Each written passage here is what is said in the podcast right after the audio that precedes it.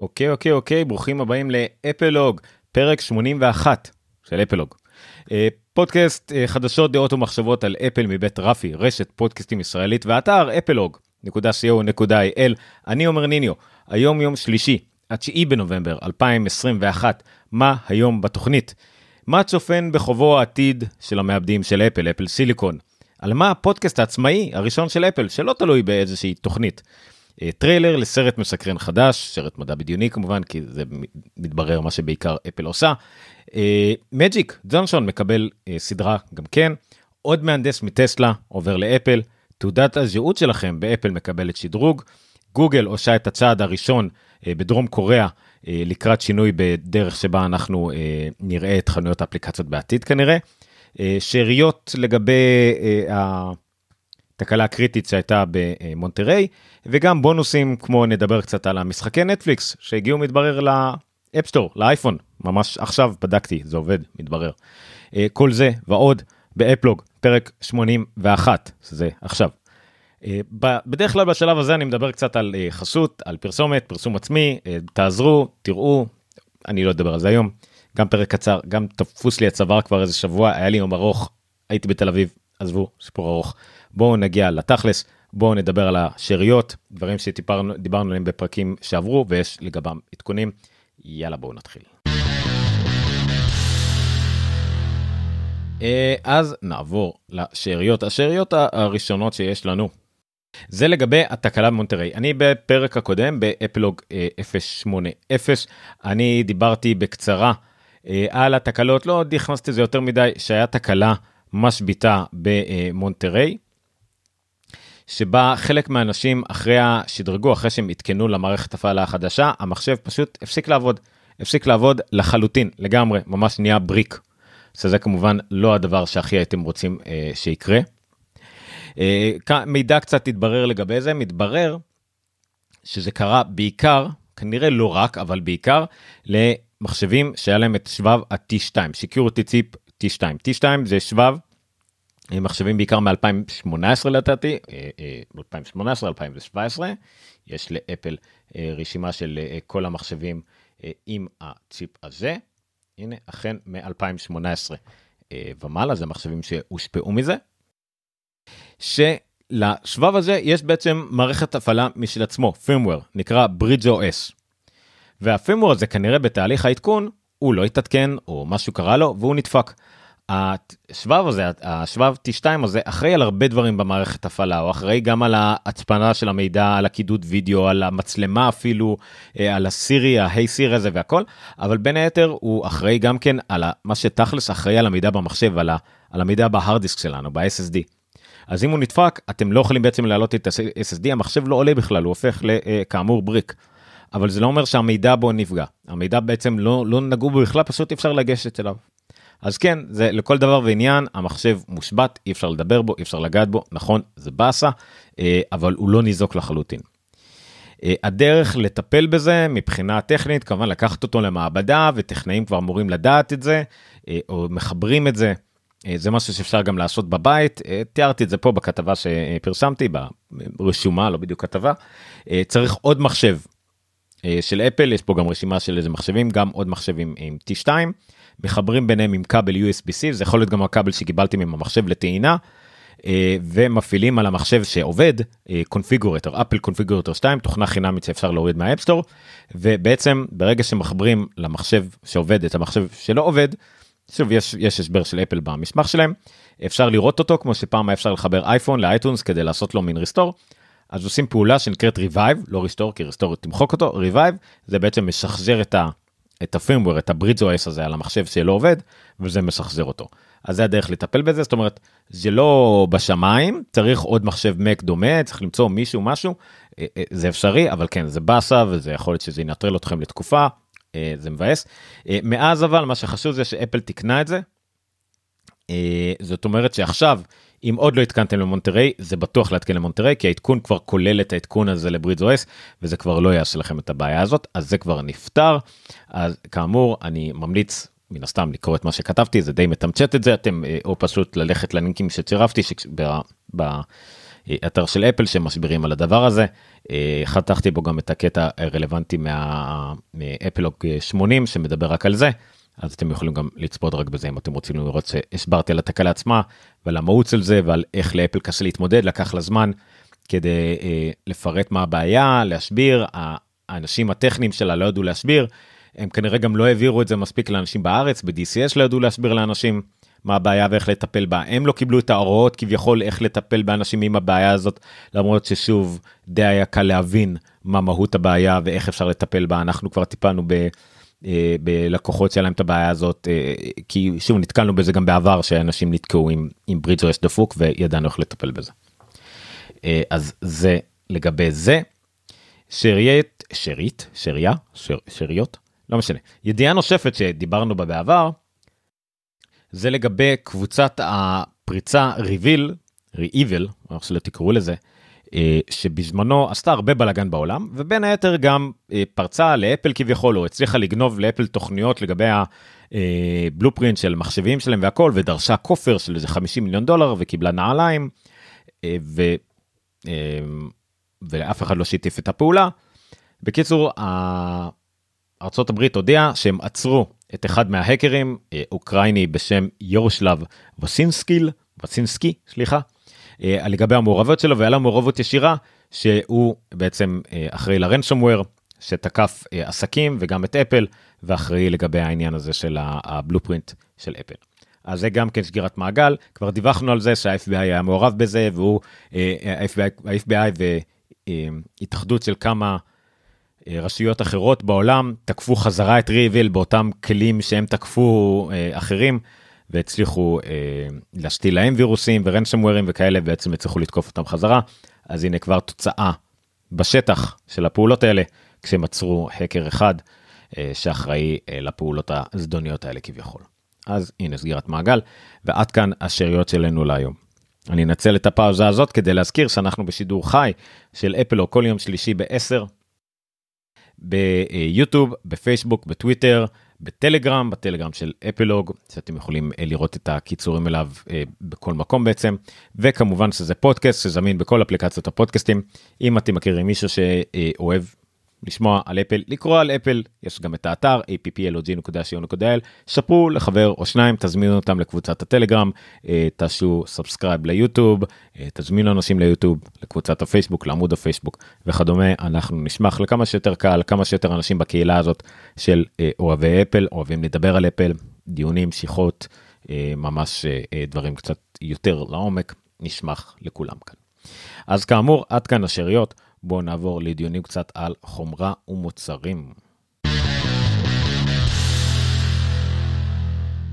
הדיון הראשון שלנו על חומרה ומוצרים הוא כבר צלילה למים העמוקים. זה מאמר שדורון כתב. אה, אני חייב לציין שאני רק ביקשתי ממנו אה, לסכם איזה משהו ש... The Information כתבו, The Information כתבו איזה מאמר בתשלום גדול מאוד, שחלק מהאתרים סיכם בכמה דברים קטנים לגבי העתיד של אפל, כל מיני דברים על העתיד המעבדים של אפל. רציתי שיסכם בכמה נקודות אז הוא החליט כמובן לכתוב מאמר מאוד ארוך ומאוד מפורט על מה צפוי לאפל אה, בזמן הקרוב. אז בסדר סבבה מעולה יצאה כתבה מעולה הרבה יותר ממה שציפיתי אז אז אני בהחלט מרוצה אז בוא נדבר על זה קצת. ואני אעלה את דורון כמובן שיוסיף על כל הדברים שטעיתי בהם. אז אנחנו יודעים שעד עכשיו אפל הוציאה בעצם אה, משפחה של מעבדים מבוססים על ה-M1. M1 המעבד הבסיסי של אפל, המעבד מתוצרתה למקים הכי חלש שאי פעם תוציא, והוא כבר היה אחד המעבדים הכי חזקים בשוק. אה, הוא יצא על הליין מוצרים המאוד בסיסי, המקבוק אייר, המקבוק פרו 13, האיימק 24 ומק מיני ואייפד פרו, בסדר? זה המחשבים שכרגע קיימים עם המחשבים האלה וממש לאחרונה הם הוציאו אה, גרשאות שלו M1 פרו ו-M1 מקס שיצא על מקבוק פרו 14 אינץ' ו-16 אינצ'ים. אנחנו עוד לא ראינו אה, את המחשבים מק מיני חזק יותר אם יצא כזה, iMac 27 ומק פרו עם גם כן מעבדים מאפל סיליקון אז פה דורון נכנס לטיפה ניתוח על מה שאנחנו עשויים לראות. אה, דיברנו על זה כבר, על אה, ההבדלים בין ה-M1 ל-M1 Pro ו-M1 Max. ה-M1 Pro ו-M1 Max מאוד דומים, חוץ מהעובדה ש-M1 Max הוא הכפלה אה, בכל מה שקשור ל-GPU ולבנדוויץ ולבאסים של ה-M1 Pro, או הפוך, ה-M1 Pro הוא בעצם אה, קיצוץ, צופ של ה-M1 Max, אתם יכולים לקרוא פה את הדברים שהוא כתב, זה לפי השמות קוד של הצ'יפים האלה, ה-M1 Pro הוא JADE-C צופ, וה-M1 Max הוא JADE-C די, זאת אומרת אחד זה הדי, אחד זה השבב עצמו ואחד זה צופ, אחד זה הקיצוץ שלו. אה, ואז אנחנו יודעים גם לגבי הקודים של המעבדים הבאים, שזה J2C די ו-J4C די, זאת אומרת הכפלה וריבוע של המעבדים האלה. שזה בעצם הידיעות שהגיעו מתוך ה... The Information וידיעות נוספות שצ'אצ'ו. זאת אומרת שכנראה הדורות הבא של המעבדים האלה, אה, שיגיעו כנראה אם זה למק פרו ואם זה לאיימק 27 חזק יותר או אם נראה עוד פעם איימק פרו יהיו כנראה וריאציות של J2CDI או 4CDI שאנחנו כנראה שוב נראה הכפלה וריבוע של כמויות המעבדים או הליבות יותר נכון שיהיה במעבדים האלה זאת אומרת אם ראינו. אה, 10 ליבות שמורכבות משמונה ליבות חזקות ושתיים חסכוניות אז אנחנו נראה 24 יכול להיות אפילו שנגיע ל-48 כנ"ל לגבי ליבות גרפיות, כנ"ל לגבי זיכרון מקסימלי. אה, שמעתי כמה שטיפה סקרנים לגבי זה שאין מה לעשות עם כל כך הרבה ליבות חסכוניות למשל, אין כל, אין כל כך מה לעשות עם כל כך הרבה מקודדי וידאו, אז יכול להיות שנראה איזה שהם וריאציות, מצד שני לא כל כך נראה הגיוני שאפל אה, תעשה יותר, מאוד קל לה לעשות הכפלות מאשר לעשות הכפלות ואז להוריד חלק מהדברים. אלא אם כן היא תוריד בכוונה כדי לחסוך נגיד באנרגיה. זאת אומרת אפשר לדמיין שהיא עושה הכפלה של אה, אה, של די של שבב אה, אבל מנטרלת כמה מהליבות בכוונה כדי שהם לא יבזבזו אנרגיה כי באמת לא צריך אותם. סתם אני מסתכל למשל על המפענחי וידאו. כבר עכשיו 8 סטרימים של 8K ואם נגיע למצב של 16 סטרימים של 8K זה גם למק פה הכי חזק באמת ואני לא אומר את זה סתם כי בקטע של מי ירצה בכלל. אה, אה, כרכרה בלי סוסים או אנלוגיה כזאת. באמת זה לא צריך. אין אף כאילו workflow שצריך את זה כאילו בהגזמה. אז חבל לבזבז על זה אנרגיה או, או חשמל נטו. אז יש כל מיני וריאציות כאלה שאולי אפשר לעשות איזשהו חישכון כלשהו. אבל בסדר אנחנו מקדימים את המאוחר אז אה, אה, תקראו את המאמר הזה אם אתם רוצים אני אעלה דורון אם רוצה להציב פה נקודה. אבל אחת הנקודות המעוניינות שהוא רשם פה זה אם אנחנו מסתכלים על דברים שהם מגיעים למק פרו כמה שאנחנו חושבים שהמעבדים הם חסכונים והכל והם באמת חסכונים עדיין אנחנו יכולים להגיע מהר מאוד ל-300 ואט ויותר אם אנחנו מסתכלים על הליבות גרפיות שאנחנו רוצים שה... מק פרו העתידי נגיד יעשה כי עדיין אנחנו רוצים אה, להגיע אה, אה, לרמות של אה, עשרות ליבות גרפיות ומאות ליבות גרפיות ולהשוות את הביצועים שיש כרגע בשוק למחשבים הנייחים. במחשבים הניידים אפל הוכיחה שהיא מעל ומעבר ומצליחה לעשות ביצועים בבת נמוך יותר מכל אחד אחר בשוק. בנייחים שבהם אין לזה כל כך משמעות וואטים זה יחסית בלי הגבלה. אה, היא צריכה לראות שדווקא שם אולי אפילו יש לה מגבלה של הוואטים שיש במק פרו. המק מיני למשל, כרגע שהוא מוגבל ל-65 ואט במארז הנוכחי שלו, היא לא יכולה לשים נגיד את ה-M1 מקס. אז, אז יש פה איזושהי מגבלה, אה, כביכול מגבלה, אבל אה, היא פשוט צריכה רק לשנות את המארז ואז היא עוד פעם הופכת את המק מיני כביכול למחשב נייח מטורף לכל דבר בגוף של, לא יודע, אינטל נאק או משהו כזה. אז דורון גם הולך לדבר טיפה על העתיד, על משהו שאולי יהיה M2, ואז בקבוצת הטלגרם היה מין דיון כזה של אה, אה, אבי רמתי חושב על משהו אחר שה-M2, אה, דורון לקח את העמדה של מה שאנחנו יודעים כרגע שה-M2 אולי מבוסס על ה-A15. ויכול להיות מאוד שה-M2 מבוסס על מה שיהיה בעתיד ה-A16 שזה אה, בכלל על אה, בנייה של המעבדים לפי 3 ננומטר או 4 ננומטר או משהו אחר ש-TSMC יעשו אנחנו נראה קפיצה קדימה ולא על משהו שה-A15 שיש עכשיו. אבל אז לדעתי למשל יש יותר דיונים על אה, זה יותר החלטה שיווקית האם אנחנו רוצים שהמקים יתקדמו כל כך מהר. האם יש טעם שהמקים יהיו בשדרוג שנתי שנה אחרי שנה או אפילו 18 חודש כל כך גדולים אם אין לנו באמת מטרה לזה מבחינה שיווקית. אנחנו רוצים יותר להאט את זה אין באמת פה איזושהי קפיצה במיוחד שהמקים הם חדשים יחסית בעולם הזה של אפל סיליקון ואין להם באמת רצון להיות כל שנה שנה חדשים כמו האייפון. אז יהיה פה איזושהי החלטה איך הם, אמ, עושים את זה בדירוג נורמלי כאילו ממש עושים מתזמנים את השדרוגים שלהם כמו שצריך. ולבסוף חלק גם כן ממה שדורון כתב מבושש על הרעיונות שהבכירים של אפל עשו שבב ראיונות, אחד מהראיונות היותר טובים שלהם היה עם רנה ריצי. הראיונות של בכירים שהם לאו דווקא בכירים טכניים מבחינת מהנדסים, אבל הם כן האנשים שיותר יודעים להסביר אה, את אפל, מדובר במקרה הזה של תום בורג וטים מלט, אני שמעתי אותם אה, בפודקאסט שנקרא upgrade עם ג'יישון סנל ומייק הרלי, אבל פה הם אצל רנה ריצ'י כאמור. והם מסבירים יותר טוב על אפל והם פשוט מסבירים את זה בצורה מאוד ברורה. הם, הם למה הם יכולים לעשות את מה שהם עושים? בגלל שעד עכשיו הם לא יכלו. עד עכשיו הם היו מוגבלים. הם היו יכלו לעשות את זה באייפונים הם ראו כל השנים האלה כמה הם יכולים ומתחו ומתחו ומתחו את היכולות שלהם לעשות את זה באייפון והם היו מצד אחד מוגבלים באייפון בגלל מעטפת טרמית של האייפון ומצד שני במחשבים הם היו מוגבלים בגלל האינטלים וברגע שהורידו להם את הרסן גם אה, מבחינת על האפל סיליקון הורידו מהם את הרשת של האינטל ומבחינת המחשבים הורידו מהם את הרשת של האינטל הם שילבו בין השניים והם פשוט פרצו קדימה. זה דברים שזה לא איך זה אפשרי בכלל אלא איך זה לא היה אפשרי קודם זאת אומרת זה, זה היה ברור להם תמיד פשוט עכשיו הם הצליחו אה, אה, להפוך את זה למציאות. אה, דורון אם אתה רוצה להוסיף כי אני מאוד הכללתי אני לא רציתי לצלול את זה יותר עומק כי זאת כתבת עומק זה לא מהכתבות שאני אומר אה, בכללי אלא אה, באמת כתבות עומק אז לכו תקראו אבל דורון אם אתה רוצה להשאיר פה דגש על נקודה או שניים נשמח בוא תעלה. אמ, נגיד את זה ככה לגבי ה-M2 שאבי אמר שהוא כנראה יהיה עדכני יותר אני גם חושב שזה יקרה אבל לא היה לנו במקרה כזה אין לנו שום דבר להשוות אליו אנחנו יכולים רק לנחש. עם, עם ה-A15 אנחנו יכולים להגיד אוקיי זה יהיה הבסיס. מפה אנחנו נלך ומה שנקבל כנראה יותר טוב מזה אבל לא, לא יהיה לנו פחות טוב מזה. אוקיי. לגיטימי לגמרי זה נכון.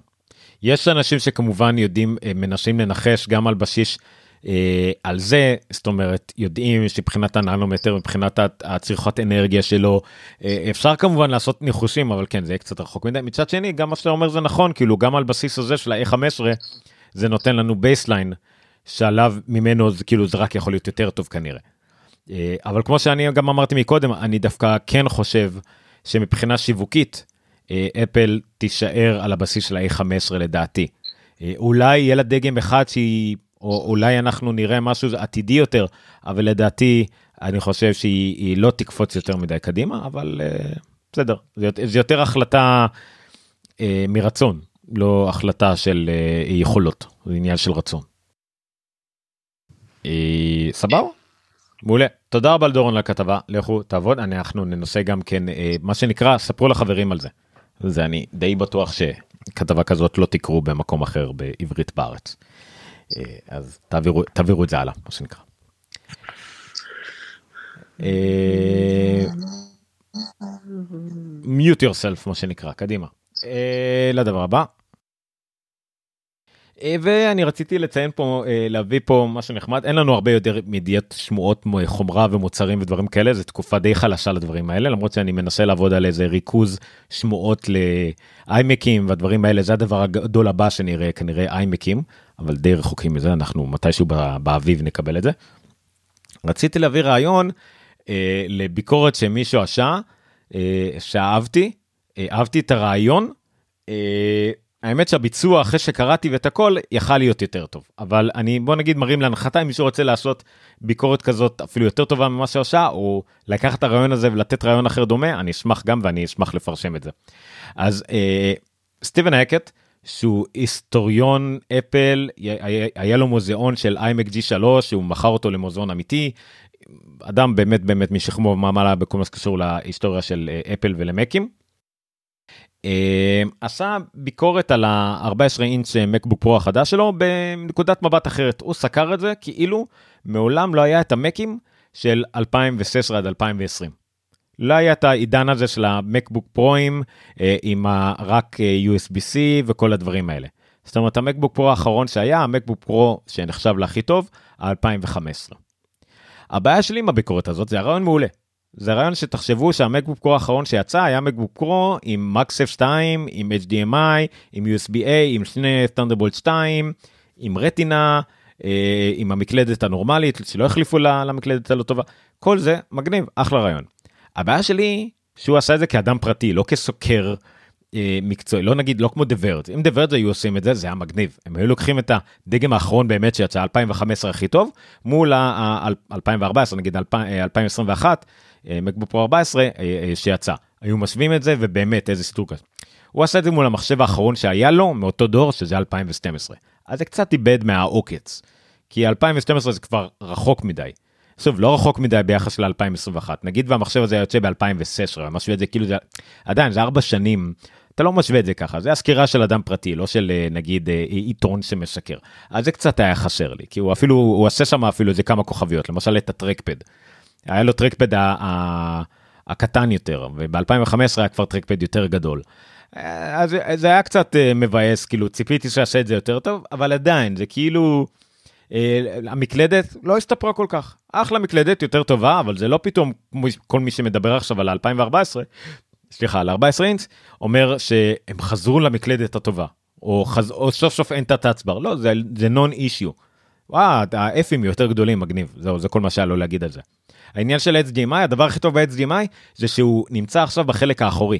כי מי שזוכר אז במחשבים אז ה-HDMI היה אה, באמצע ואז היה עוד USB וזה היה נורא מעצבן כי אם אתה מחבר HDMI עם כבל ענקי והיית מושך אותו אחורה אז כאילו הוא כיסה לך את העוד USB שהיה וזה היה נורא מעצבן אז עכשיו הם העבירו את ה-HDMI לאחורה וזה יותר טוב אז זה אחלה דבר לדבר עליו זה נכון. אז אבל עדיין זה זה קונספט וזה דבר שאני מאוד אוהב בעיתונות טכנולוגית שמוצאים איזה זווית כזאת מגניבה על ביקורת וזה אחלה וזה מקורי Uh, הנה אפשר לראות פה את העניין של ה-HDMI, מי שרואה אותנו כמובן בווידאו, בפודקאסטים אתם יכולים ללכת לראות, הלינק הוא בשואו נוטס. אז כן, זה, אני אוהב את הדברים האלה, הוא צירף תמונות, uh, uh, זה בהחלט uh, מגניב לגמרי. Uh, אבל למשל העניין של ה-Touch ID, הוא יכל להתלהב יותר, כי לא היה בכלל את הקונספט של Touch ID קודם, אז בוא תתלהב מזה. אז כן, בסדר, אחלה רעיון, ביצוע כזה בינוני, אבל אני נותן לו אקסטרה לרעיון. אז זה בכל מקרה מגניב. אוקיי, אז זה הכל. זה... רציתי להביא את זה בשביל זה. והדבר האחרון בכל מה שקשור לחומרה ומוצרים, דיברנו על זה, העניין של החלפת מסך.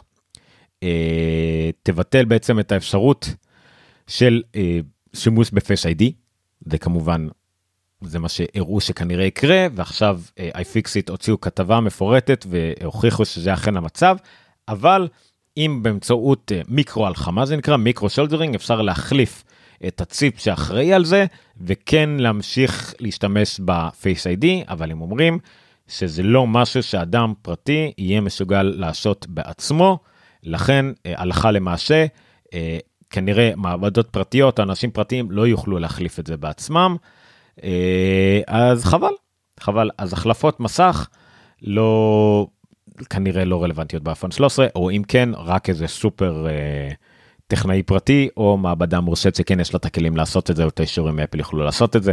אז זה רק אימת משהו שידענו קודם. אה, זהו. עד כאן לגבי חומרי המוצרים בוא נעבור לתוכנות ושירות. העדכון קטן. אה כן כן עדכון דורון כן. דברת קיבלו אני חושב שדברת קיבלו עדכון אפל הוציא עדכון תוכנה שיאפשר החלפת מסך. אה, מוזר הם לא עדכנו את הכתבה הזאת ספציפית. הם בדרך כלל מעדכנים את הכתבות שלהם. מוזר. אה, טוב אני אבדוק את זה נבדוק את זה אם כן אה, יש לנו שאריות לפרק הבא. סבבה אני אבדוק את זה. אוקיי בוא נעבור לתוכנות ושירותים. הדעה הראשונה שלנו בתוכנות ושירותים זה על פודקאסט חדש של אפל. הוא לא הראשון, לאפל היו כבר מספר פודקאסטים. יש לאפל פודקאסטים תחת משהו שנקרא תחת Apple News, יש להם פודקאסט חדשות יומי, ויש להם אה, שלל פודקאסטים תחת אה, Apple TV Plus. הבעיה, אה, לא בעיה, העניין הוא שרוב כל הפודקאסטים שלהם עד היום תחת Apple TV Plus, זה פודקאסטים שכוללים את פודקאסטים של Foundation, של The Problem with John Stewart, של For All Mankind ושל The Line, שכולם מלווים סדרת אפל טיווי. זה פודקאסטים שמלווים סדר, אה, סדרה. זה אחד הז'אנרים הכי נפוצים בפודקאסטים שמלווים סדרות טלוויזיה. הפודקאסט החדש נקרא הוקט והוא לא מלווה אף סדרה. זה פודקאסט עצמאי. זה בעצם תוכן מקורי של אפל לפודקאסטים שהוא עומד בפני עצמו. הוא עדיין תחת אפל טיווי פלאס אבל הטיווי לא רלוונטי. זה פשוט כנראה אפל טיווי פלאס זה מין שם כללי כזה לתוכן מקורי של אפל. Hooked אה, זה פודקאסט דוקומנטרי לא בדיוק נקרא לזה true crime כאילו. אה, שמגולל את סיפורו של טוני האת'ווי. טוני האת'ווי היה אה, מהנדס אה, מטוסים של בואינג, אך, אה, עבד על 747 בסיאטל, שמפה לשם, מפה לשם, שדד 30 בנקים בשנה אחת, כולם במרחק 50 קילומטר מהבית שלו. בין היתר, הוא הידרדר למצב הזה בגלל אה, התמכרות למשככי כאבים חזקים, אה, אוקסיקונטין, אה, שזה אחת המכות בארצות הברית, ההתמכרות לאופואידים, למשככי כאבים, ובעצם אפל אה, עשתה עליו פודקאסט, לא אפל, מי שעשה אותו כמובן, זה אפל היא זאת שהפיקה, פודקאסט בכמה חלקים, שגם מתאר את השיפור שלו, וכמובן דרך השיפור שלו, את כל השיפור של ההתמכרות למשככי כאבים בארצות הברית. הפודקאסט הזה מבושש, הוא כמובן שיפור אמיתי, הוא מתעד רעיונות שהתבצעו לאורך שלוש שנים. אה, הוא, מי שיצר אותו זה בעקבות ראיון שהוא יצר עם אותו אה, טוני ארת'ווי לפני כמה שנים, ראיון מאוד ארוך. זה גם הצחיק אותי כי הרעיון הזה כתוב אם אתם קוראים את הרעיון כתוב כמה זמן ייקח לכם להקשיב לו כאודיו אז הרעיון הזה אם תקשיבו לו ייקח חצי שעה. לעומת זאת אם תקשיבו לכל הפודקאסט זה 360 דקות 6 שעות אבל בסדר אתם יכולים לקרוא את הכתבה בחצי שעה או להקשיב לכל הפודקאסט 6 שעות. בכל מקרה אני הקשבתי רק לטריילר אה, נשמע מעניין אני מתישהו להקשיב לזה אה, אבל בסדר פודקאסט מקורי של אפל שהוא רק פודקאסט בלי תוכנית טלוויזיה זה משהו אה, חדשה לדווח עליה. לפיכך דיווחתי עליה עכשיו. עוד ב Apple TV Plus טריילר חדש לסרט סוג של מדע בדיוני זה עתיד קרוב זה לא איזה חלליות בלאגנים עתיד קרוב זה שרת עם ושל מרשל מרשלה מרשלה עלי איך אני לא יודע איך מבטאים את השם שלו מרשלה עלי זוכה האוסקר. עתיד קרוב במובן של מרשלה עלי הוא איש משפחה שעם אישה וילדה חמודה שמספרים לו שהוא עומד למות. ואז הרופאה שלו גלן קלוז שמונה מעמודיות לאוסקר דרך אגב בלי זכייה אחת מחזיקה בשיא לאישה עם שמונה מעמודיות בלי זכייה. אומרת לו שיש לו דרך אה, להמשיך לדאוג למשפחה שלו גם אחרי מותו אבל דרך מפוקפקת מבחינה מוסרית והוא צריך לבחור אם הוא הולך לא הולך מה יקרה כל התהליך לא נעשה לכם ספוילרים למרות שזה מתואר בטריילר.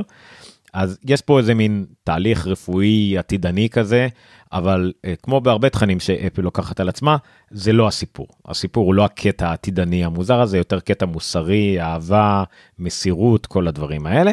נראה מעניין טריילר נראה מעניין קסט מטורף קוראים לזה שירת הברבור Swan Song ומגניב תראו את הטריילר בהחלט אה, נראה מעניין. הסרט יעלה. ב Apple TV ב-17 לדצמבר ועד כמה שאני הבנתי זה סרט אה, שהוא נטו של אפל. אה, זה לא סרט שהיה אמור לצאת במקום אחר ואפל קנתה אם אני לא טועה זה סרט שהוא נטו של אפל. אבל אני לא רשמתי את זה לעצמי פה לצערי אז אני לא בטוח לגבי זה. וידיעה אחרונה לגבי אה, תוכנות ושירותים ואפל TV בכלל. מטיק ג'ונסון מגיע גם הוא לאפל TV פלאס מג'יק ג'ונסון אחד משחקני הכדורסל הגדולים בהיסטוריה אחד משחקני ה-NBA הגדולים בהיסטוריה. השבוע יותר נכון בשביעי לנובמבר שלשום לפני 30 שנה הוא דיווח לעולם הודיע לעולם בהודעה לעיתונות שהוא נושה את נגיף ה-HIV לא נגיף ה-AIDS למרות שרשמתי את זה פה כדי שזה יהיה קל להבין למי שפחות מבין. נושה את נגיף ה-HIV ובשל כך הוא פורש מכדורסל די בשיאו זאת אומרת אולי המבוגר אולי הצעיר הוא עדיין יכל להמשיך לשחק הוא פורש מכדורסל. זה יזע את העולם במובן מסוים גרם להעלאת המודעות לאיידס באופן מאוד מאוד דרסטי. הוא ופרדי מרקורי בערך באותו זמן שניהם היו אחד מהזרזים הכי גדולים בעולם למודעות לאיידס במובן החיובי זאת אומרת פתאום הסתכלו על האיידס בקטע יותר חיובי נקרא לזה ככה כמה שאפשר. מג'יק במיוחד. והוא הפך להיות דמות מאוד מוכרת מאוד בולטת גם בדברים חברתיים גם בעולם הספורט גם בעולם העסקים בעולם הפילנטרופי באמת נהיה דמות מאוד מיוחדת והסדרה הדוקומנטרית הזאת של ארבעה פרקים תלווה אותו מילדותו במישיגן דרך הקריירה שלו מ-NBA עד ההודעה שלו שהוא נושה הוא גם חזר לשחק כדורסל דרך אגב שיחק גם באירופה זכה במדליית מדליית זהב אולימפית עם הדרימטים ותלווה אותו גם אחר כך כשהוא היה פעיל חברתית איש עסקים והכל אז זה מאוד מסקרן אותי שמתי אפילו כמה איזה מיקסטפ ככה של הדברים הכי טובים שעשה ב-NBA. זה לא פעם ראשונה שעושים עליו ל-ESPN יש ב-30 על 30 קטע מיוחד על, ה, על, ה, על ההודעה שלו שרת של איזה חצי של שעה על ההודעה שלו. אה, אבל אני מאוד מקווה שאפל תיקח את הזווית שלהם על העניין אה, על כל העניין הזה. יש כמה היוצרים שעשו את הסדרה הזאת אה, מכובדים בסך הכל. הבמאי הסרט עשה סרט מאוד מסקרן בשם דופ. העריכה של זה של שר, עורך קולנוע שעשה את פורד נגד פרארי והצילום הוא של רייצל מוריסון היה צלמת של הפנתר הסחור. אז יש יש פוטנציאל לסדרה הזאת. והסרט סליחה סרט? סדרה סרט זה לא סדרה סרט סליחה סדרה מופקת אה, בלעדית בשביל אפל. אז זה גם כן, זה כבר בלעדי בשביל אפל. טוב, עד כאן תוכנות ושירותים, בואו נעבור לחדשות כלליות. בחדשות הכלליות, ממש זריז, אפל מעסיקה מהנדס מאפל, אה, מטסלה. אה, דבר זה שוב עבודה טובה אז אני עשיתי את זה רק סיכום. אה, כריסטופר סי ג'יי מור היה מהנדס תוכנה אה, בתחום ה Autopilot של טסלה יותר מוקדם השנה הוא יצא נגד אה, אילן מאסק, שאילן מאסק יצא בכל מיני הצהרות שה Autopilot וה Fully Self Driving של טסלה כבר מוכן לנהיגה עצמאית מלאה. אז הוא יצא נגד זה, הוא אמר זה אפילו לא קרוב לרמה 5, זה יותר רמה 2 של נהיגה עצמאית. אה, אז עושה קצת בלאגן עם זה, הוא אפילו העיד במשפט, לא במשפט, בחקירה על הרכב שעלה באש והרג שני אנשים וכל זה, גם עם טסלה בתחילת השנה. מפה לשם הוא כבר לא עובד בטסלה והוא עבר לעבוד באפל, הוא עובד באפל גם כן בכל הפרויקט של נהיגה עצמאית, כנראה בפרויקט הרכב ב Titan, תחת עובד טסלה אחר לשעבר בעצמו. סיכום קצר על פרויקט הרכב של אפל הוא כמובן חשאי מי שעובד מועד כרגע בראש הפרויקט של רכב גם חדש בתפקיד שלו זה קווין לינץ' מי שאחראי גם על ה Apple Watch. אמ, כל הפרויקט של רכב הוא חשאי, דברים משתנים שם, אנשים עובדים, כל, עוברים כל הזמן, אני לא אוהב לדווח על זה, אבל זה כן בלט, כי מי ש... א' כל תמיד העניין הזה עוברים בין החברות, אפל לוקחת לטסלה עובדים, אה, טסלה לוקחת לאפל עובדים, פתאום מישהו מאפל עבר לעבוד בפורד, אז הם היו צריכים לקדם את קווין לינץ. הרבה בלאגנים, זה פרויקט חשאי, לא הרבה דברים עובדים פה, רק מה שחייב לדווח החוצה, כמו רואים רכבים של אפל עושים ניסויים או שהם חייבים לדווח למשרד התחבורה האמריקאי, כל מיני דברים כאלה. אבל פה במקרה הזה זה עובד שהתבלט בזה שיצא נגד אילן מאסק, אז אוקיי, בסדר. אז, אז זה כן הייתי צריך אה, לדווח על זה, אבל בסדר. אז זה היה זה.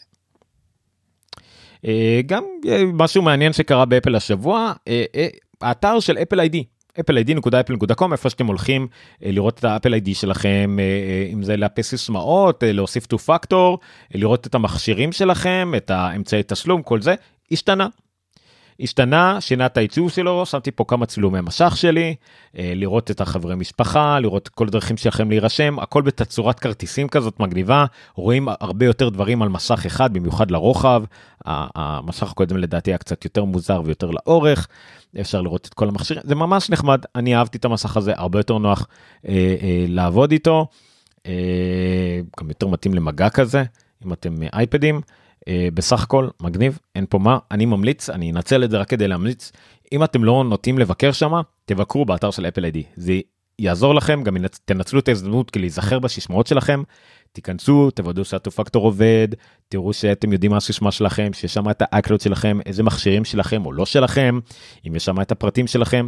תמיד טוב כי אנשים לפעמים יתחברו ולא זוכרים אחרי שנה וחצי מה הסיסמה שלהם יש להם אין להם. תעשו את זה אחלה דבר אז זה זה זה. אה, והידיעה האחרונה, אה, ידיעה שלא קשורה לאפל לכאורה, אבל אולי תהיה מתישהו. אה, בדרום קוריאה, גם גוגל וגם אפל מקבלות על הראש, שדרום קוריאה מנסה להכריח אותם לפתוח חנות האפליקציות שלהם לרכישות, לאמצעי תשלום, גם של אחרים. זאת אומרת שלא יוכלו לרכוש רק באמצעות ה App Store או רק באמצעות ה Play Store, אה, או לפתוח לחנויות אחרות, או לפחות לאמצעי תשלום אחרים. אז גוגל, מה שנקרא, הרימה את הכפפה קודם, והיא מציעה דבר כזה, היא מציעה ראשונה, מין דבר כזה, שבו אה, יוכלו, משתמשים יוכלו לשלם על אפליקציות באמצעי תשלום אחר, לא דרך הפלייסטור. זה כמו שבאייפון תוכלו לא דרך האפל איי-די שלכם לשלם, אלא באמצעי תשלום אחר. של המפתח נגיד, עם שליקה שלו כלשהי. אין בעיה הם אומרים, זה בסדר גמור, תוכלו לשלם עם אמצעי תשלום שלו, לא דרך הפליסטור, אבל עדיין שגוגל רוצה את העמלה שלה על זה שהיא מתחזקת את החנות, על זה שהמפתח ישתמש בכלי הפיתוח שלה כדי לפתח אפליקציית אנדרואיד, כדי להעלות את האפליקציה לחנות, כל הדברים האלה. היא עדיין רוצה את החתך שלה, אבל היא מוותרת על כל מה שקשור לעמלות הסליקה. והיא אומרת בערך עמלות הסליקה הם משהו כמו 4% נגיד, אוקיי? אז במקום 15% עמלה שאנחנו לוקחים, ניקח רק 11%. או אם יש לכם אפליקציה שזכאית ל-10% עמלה, אז אנחנו ניקח רק 6. אה, מה שהם אומרים שכאמור אנחנו אה, אחראים על האנדרואיד ו Google Play Store אנחנו אחראים על security על ה distribution על הטולס שפיתחנו את הכל לפיתוח אפליקציות בדיוק אותם טענות שאפל הייתה טוענת בגלל זה הבאתי את זה זה נשמע אחד לאחד כמו טענות שאפל הייתה טוענת. אה, זה כמובן קצת מצחיק כי בהרבה מקרים לפעמים העמלות סליקה מגיעות גם ל-5, 6 ואפילו יותר אז זה לא באמת משתלם להם והמפתחים עדיין יפסידו. זה כמו טעון מוזר נראה מה דרום קוריאה יעשו כי יכול להיות שבעקבות זה גם בשאר העולם ילכו. אז הבאתי את זה כי זה יכול להיות משהו שיקרה אני יודע. אה, מסובך כל העולם הזה של אפליקציות אבל אה, אנחנו צריכים לראות עוד מה קורה בדרום קוריאה מה קורה ביפן מה קורה באיחוד האירופי וגם כמובן בארצות הברית. נחיה ונראה. אני אעשה הפסקה ואני אגיע לבונוס ובונוס יהיה בונוס אינטראקטיבי שבו אני אחפש איתכם מידע על המשחקים של נטפליקס לאייפון אני מצאתי את זה אצלי אבל אין לי אולי אני אצליח לשתף מסך נראה. כבר נמשיך. נטפליקס הודיעו בתחילת השבוע שהם מביאים בעצם משהו שנקרא Netflix Gaming. Netflix Gaming מגיע אה, לאנדרואיד קודם כל כבעצם פלטפורמת משחקים שנטפליקס מפתחת. המשחקים הם משחקי אנדרואיד לכל דבר, משחקי מובייל, והם לא משחקים שאתם משחקים איתם מתוך אפליקציית נטפליקס או משהו כזה, אלא אפליקציות עצמאיות לכל דבר. גם הגישה אליהם אולי גישה נגיד מתוך האפליקציות של נטפליקס אז זה בסך הכל כנראה יהיה קיצור דרך החוצה או משהו כזה אבל אפליקציות זמינות בפלייסטור זה אפליקציות עצמאיות של חברת נטפליקס. ההבדל היחידי הוא שכדי לשחק בהם אתם צריכים להיות מנויים בנטפליקס. אז יש לכם כמו נגיד מנוי לאקסבוקס או מה שזה לא יהיה אבל כל משחק הוא בנפרד ב App Store אבל כדי לשחק בו צריכים מנוי זה למעשה מה שאפל ביקשה מאקסבוקס שיקרה ל Game Pass. אז אם אקסבוקס היו רוצים לשים באמת את ה Game Pass המלא או את ה xCloud שהם רצו אז בזמנו שיהיה להם באייפון. אז זה מה שהם צריכים לעשות וזה בדיוק מה שנטפליקס אה, עשתה. למעשה זה בדיוק מה שהיא עשתה עכשיו היום גם לאייפון. באייפון אני אפילו לא פתחתי, אני לא חושב שבאפליקציה של נטפליקס עצמה אה, יש את האפשרות הזאת, אה, שנותנים לך איזשהו קיצור דרך או, או משהו כזה שאומרים לכם אה, וואו בוא תראו יש לנו משחקים לכו תראו עם איזה קיצור דרך למשחקים לא. אבל אם הלכתי לאפסטור וחיפשתי נטפליקס והלכתי בואו תראו לי את כל האפליקציות של, של נטפליקס.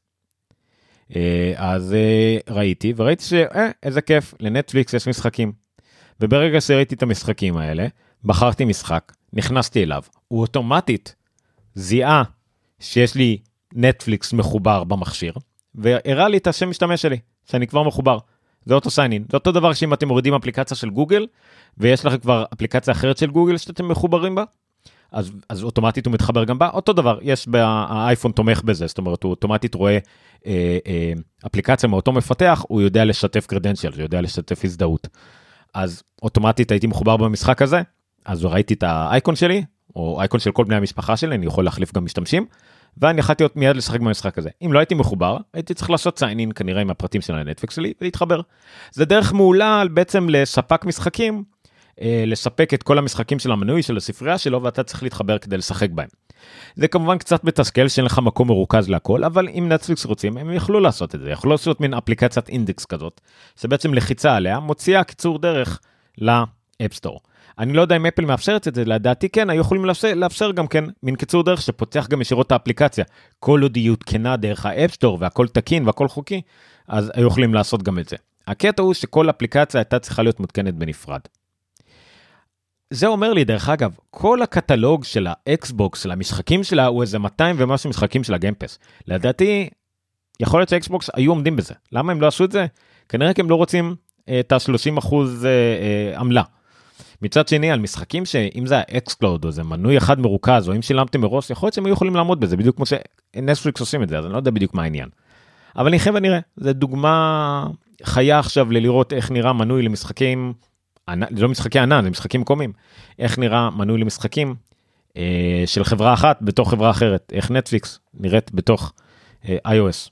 אז זה מגניב יש שם כמה משחקים מגניבים אה, לכו תראו אבל אה, מגניב זהו, זה, זה הבונוס. אה, יש שם כמה, יש שם את uh, משחק של Stranger Things 1984, שהיה כבר משחק של Stranger Things ל-iOS, אולי עדיין קיים איפשהו, אבל זה, הוסיפו לו את ה-1984, לא יודע מה זה אומר.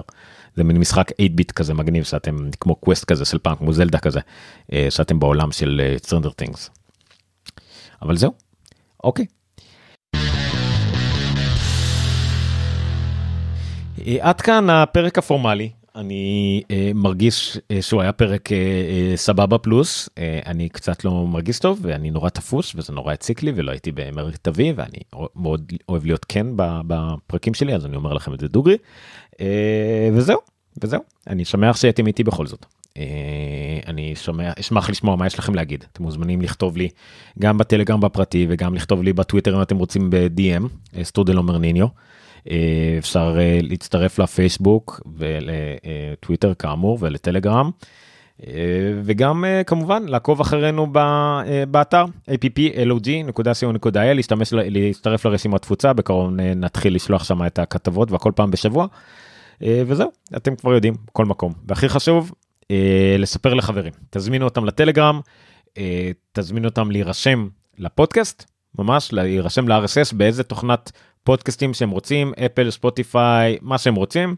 זה הכי חשוב, אנשים שיירשמו אה, לערוץ בטלגרם נגיד, ערוץ לא לקבוצה, אלא רק שיקבלו בדחיפה ידיעות, רק כדי שיקבלו עדכונים בשוטף, שלא ישכחו והכל, לקבל בפוש, זה הכי חשוב. אז תודה רבה לכולם, אה, לילה טוב, אה, ונובמבר שמח. שיהיה נובמבר ריין, אני חושב שהגיע הזמן מתישהו. זהו, לילה טוב, תודה רבה. אפלוג.